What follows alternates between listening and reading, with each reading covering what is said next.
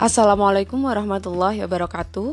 Perkenalkan nama saya Ulfa Fatimatu Zuhriyah, peserta Latsar CPNS Kabupaten Tulungagung golongan 2 angkatan 4. Pada Latsar hari keempat hari ini, mata pelatihan yang saya dapatkan adalah mengenai akuntabilitas. Akuntabilitas dapat diartikan sebagai kewajiban pertanggungjawaban yang harus dicapai Akuntabilitas merujuk pada kewajiban setiap individu, kelompok, atau institusi untuk memenuhi tanggung jawab yang menjadi amanahnya. Akuntabilitas memiliki tiga fungsi utama, yaitu peran demokratis, peran konstitusional, dan peran belajar. Akuntabilitas dalam peran demokratis berfungsi untuk menyediakan kontrol demokratis. Akuntabilitas dalam peran konstitusional berfungsi untuk mencegah korupsi dan penyalahgunaan kekuasaan. Akuntabilitas sebagai peran belajar berfungsi untuk meningkatkan efisiensi dan efektivitas.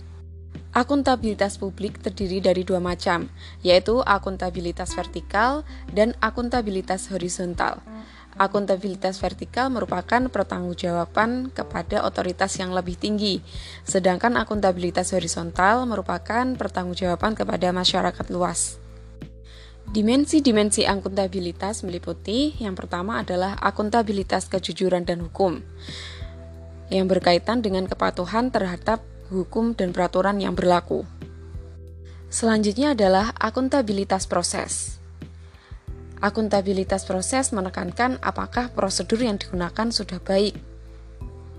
Selanjutnya adalah akuntabilitas program yang menekankan apakah tujuan yang ditetapkan dapat tercapai ataukah ada alternatif program lain yang lebih memberikan hasil yang maksimal dengan biaya yang minimal. Selanjutnya adalah akuntabilitas kebijakan yang berkaitan dengan pertanggungjawaban pemerintah atas kebijakan yang diambil terhadap masyarakat luas, DPR, DPRD. Untuk menciptakan lingkungan kerja yang akuntabel, diperlukan kepemimpinan yang baik, integritas, keadilan, transparansi, tanggung jawab, kepercayaan, keseimbangan, kejelasan, dan konsisten. Seorang PNS yang akuntabel adalah PNS yang mampu mengambil pilihan yang tepat ketika terjadi konflik kepentingan, tidak terlibat dalam politik praktis, melayani warga secara adil, dan konsisten dalam menjalankan tugas dan fungsinya. Contoh perilaku akuntabel yang harus saya terapkan dalam pekerjaan saya adalah yang pertama, melaksanakan pekerjaan sesuai dengan standar operasional prosedur yang telah ditetapkan atau alur yang telah ditetapkan. Memberikan pelayanan kepada masyarakat, dalam hal ini pasien, dengan adil, sopan, dan penuh rasa empati.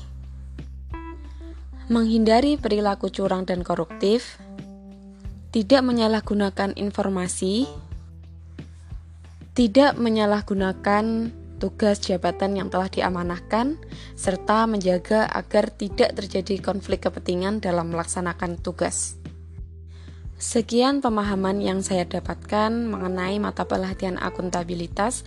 Wassalamualaikum warahmatullahi wabarakatuh.